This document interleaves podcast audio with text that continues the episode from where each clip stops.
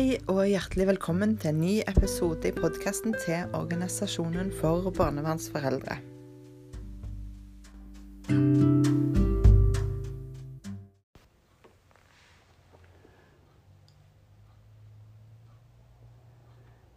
Hei, jeg heter Vibeke. Jeg har fem barn som har vært eller er under barnevernet.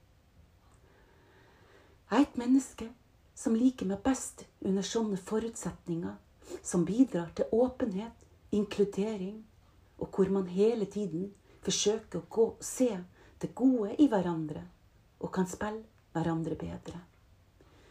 Ellers så er jeg veldig glad i bevegelse. Jeg liker også å være sammen med hunden min. Jeg er glad i bøker, og spesielt barnebøker. Jeg er glad i musikk. Jeg er en musikknerd med en sær musikksans. Jeg er også glad i å reise. Hva var årsaken til at jeg meldte meg inn i OBF? Ja, hva var årsaken til at jeg meldte meg inn i OBF? For et par år siden så begynte jeg å kjenne på et enda sterkere behov for å møte andre foreldre som hadde opplevd noe av de samme erfaringene som meg sjøl. Som også kanskje delte denne store, tabulignende sorgen etter en omsorgsovertakelse. Og som også kjente på byrden av å stå og stange hodet i veggen og ikke nå fram eller inn til barnevernet. Jeg hadde en stor sorg. En årevis lang sorg.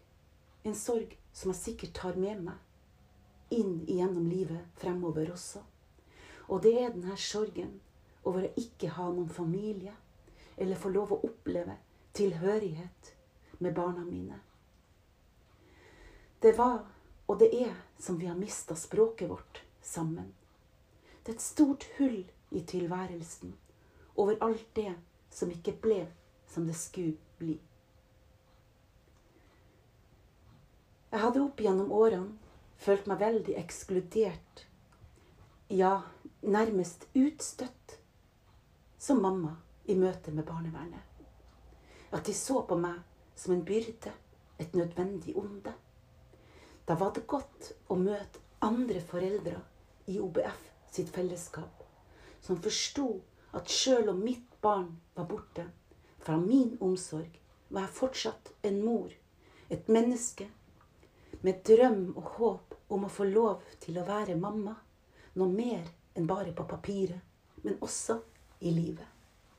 Og ikke bare redusert til et menneske som kjempa og kjempa uendelig mange kamper i retten og i fylkesnemnda i årevis.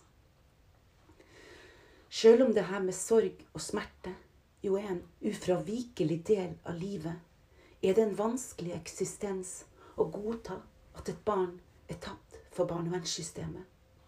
Det er jo sjelden at en barnevernssak går i oss foreldrene sitt favør. Det var vanskelig å forsvare at man ønska å være mamma for sine barn, når noen ganger en omsorgsovertakelse beviselig ikke alltid er uforskyldt påført. Men det er jo mange foreldre som er ufattelig dømt hardt og ekskludert ut av barnevernet. Jeg har i OBF møtt sterke og flotte foreldre som ønsker å være der for sine barn mere. Men de kommer ikke igjennom. Men felles for mange av oss er at vi ønsker et mer inkluderende barnevern. Så ja, jeg hadde et behov for et fellesskap som oppveide det her at vi alle er for lykkes, egen lykkes smed. Så ja, det er noen tanker til grunnen til hvorfor jeg meldte meg inn i OBF. Om jeg har noen ambisjoner for mitt arbeid i styret? Ja, ambisjoner, det er jo et veldig stort ord. Men jeg ser jo noen svakheter slik barnevernet fungerer nå. Og jeg ser jo også noen mangler. Men én ambisjon er vel at jeg skal forsøke å jobbe for at alle foreldre skal oppleve inkludering fra barnevernet. At barnevernet forstår at oss foreldrene har en verdi og tar oss med inn og på laget. At barnevernet skal forstå bedre at vi foreldre, til tross for en omsorgsovertakelse, kan være en ressurs for barna våre. Og at vi har masse ferdigheter som vi kan få hjelp til å forstå, som kan utvikles i oss, og som kan støttes opp under. At det også i oss foreldrene ligger en hel masse ubenytta ressurser som kan vekkes. Jeg har også ambisjoner om at OBF skal være med som en stemme for oss foreldre. Barnevernet trenger oss foreldrene. Vi har ingen foreldre å miste. Og barna våre, de trenger tilhørighet og tilknytning til oss. Hva er det som driver og engasjerer meg? Ja, det som driver og engasjerer meg, er en selvopplevd erfaring av å bli ekskludert og støtt ut av mine barns liv. Den store ensomheten, forvirringa man opplever av å ha gått igjennom en omsorgsovertakelse. Alle de årene jeg for mitt vedkommende har brukt alene, også med omgivelsene mine, på å forsøke å forstå og forsone meg. I alle de årene har jeg kunnet ha vært en nyttig og positiv ressurs for barna mine. Og så er det jo det her at fylkesnemnda med saksbehandlere, advokater, sakkyndig, fosterforeldre, lærere osv. kan bruke opptil tre dager på non stop å snakke nedsettende om oss foreldre. Og hvor unyttig det er at barnevernet bruker så mye tid på å skrive lange avhandlinger til fylkesnemnda og til retten om hvor og hvorfor de er barnets beste. Og denne fortvilelsen over å oppleve at retten kan legge føringer som barnevernet overser og ikke følger opp. For å si det sånn når det brenner, så trenger man en brannslange. Det som driver med meg, er at jeg tror at barnevern og foreldre, også der det har gått i lås, kan sammen finne løsninger. Og at respekt også må gå begge veiene. Og så er det det her med at barnevernet kanskje må komme bort ifra den her at barnets beste betyr fravær av foreldre. Det driver meg også det her at barnevernet ikke skal ha lov til å skape familiefiendtlighet og fremmedgjøring der det ikke er noen grunn til å gjøre det. Det driver meg også tanken på at det ikke alltid må være sånn at for å få lov til å være foreldre i barnevernets øyne, må vi foreldre ha løst alle livets problemer. Det er mye tapt tid man aldri får tilbake. Det driver meg også håpet om at barnevernet skal bidra til å så frø i oss foreldrene. At barnevernet ikke må vente med å så de frøene til verden har gått tom for foreldre.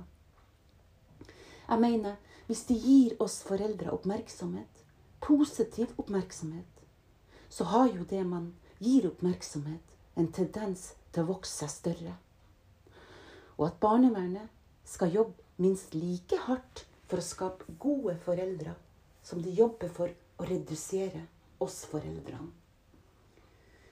Om jeg har satt meg noen mål i min tid som styrer. Eh, jeg har kanskje ikke satt, rukket å satt meg noen mål enda, eller oppdage de målene.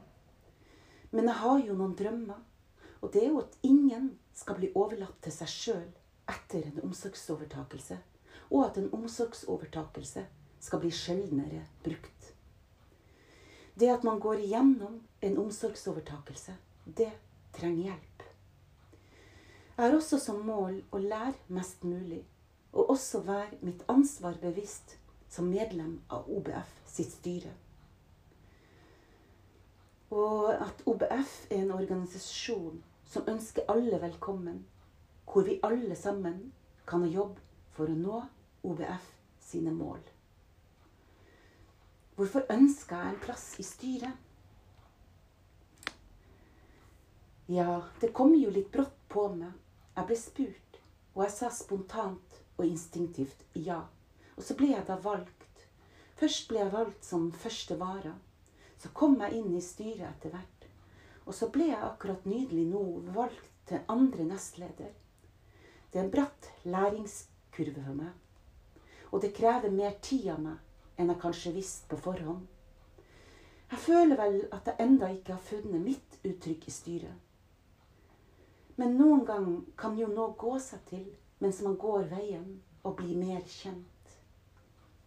Men jeg vil i hvert fall være med å utvikle OBF og gjøre OBF mer kjent for foreldre.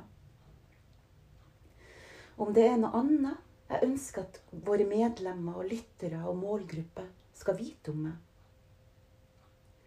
Ja, dere har kanskje fått vite litt om meg gjennom denne monologen og podkasten. Men kanskje det at det er i meg som i deg bor en uendelig læring og forbedringspotensial som man noen gang må ha hjelp for å oppdage.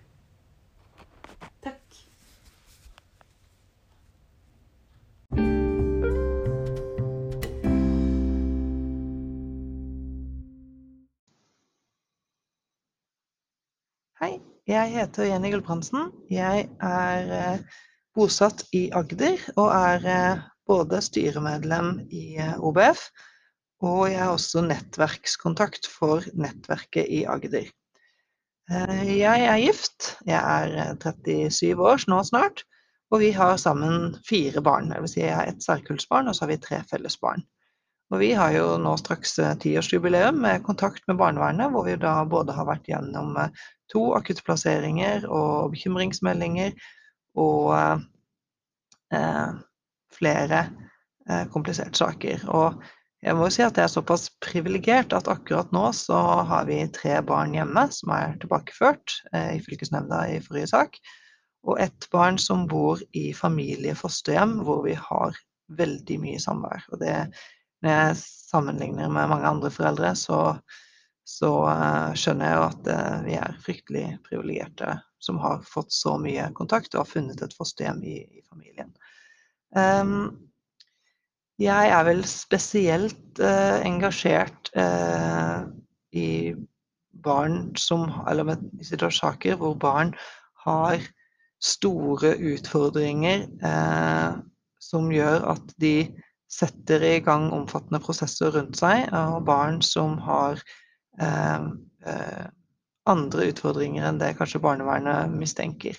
Eh, skolevegring, psykiske problemer, ja, høyt fungerende barn, autisme, Aspergers, ADHD, den type saker. Det er jo noe av dette vi har vært involvert i. Og også dette med hvilken rett barn i barnevernet har, og hvilket tilbud de får, i den grad det i det hele tatt er noe, til oppfølging fra, fra psykisk helsevern. Eh, vi har i hvert fall slitt veldig mye med akkurat det i, i vår familie.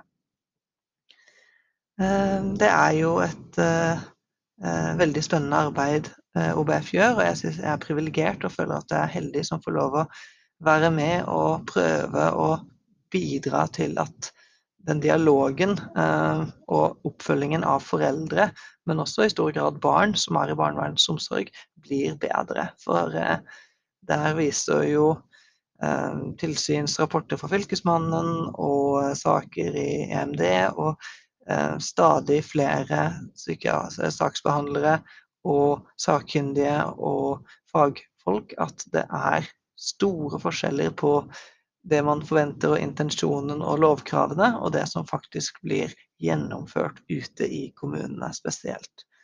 Så det er en stor utfordring, og det jobber jo OBF med sentralt. Og i nettverket i Agder så har vi også en ambisjon om å prøve å jobbe litt med dette lokalt inn mot de lokale barnevernsnettverkene og barnevernstjenestene. Så det var eh, meg og hva jeg engasjerer meg i. Eh, takk.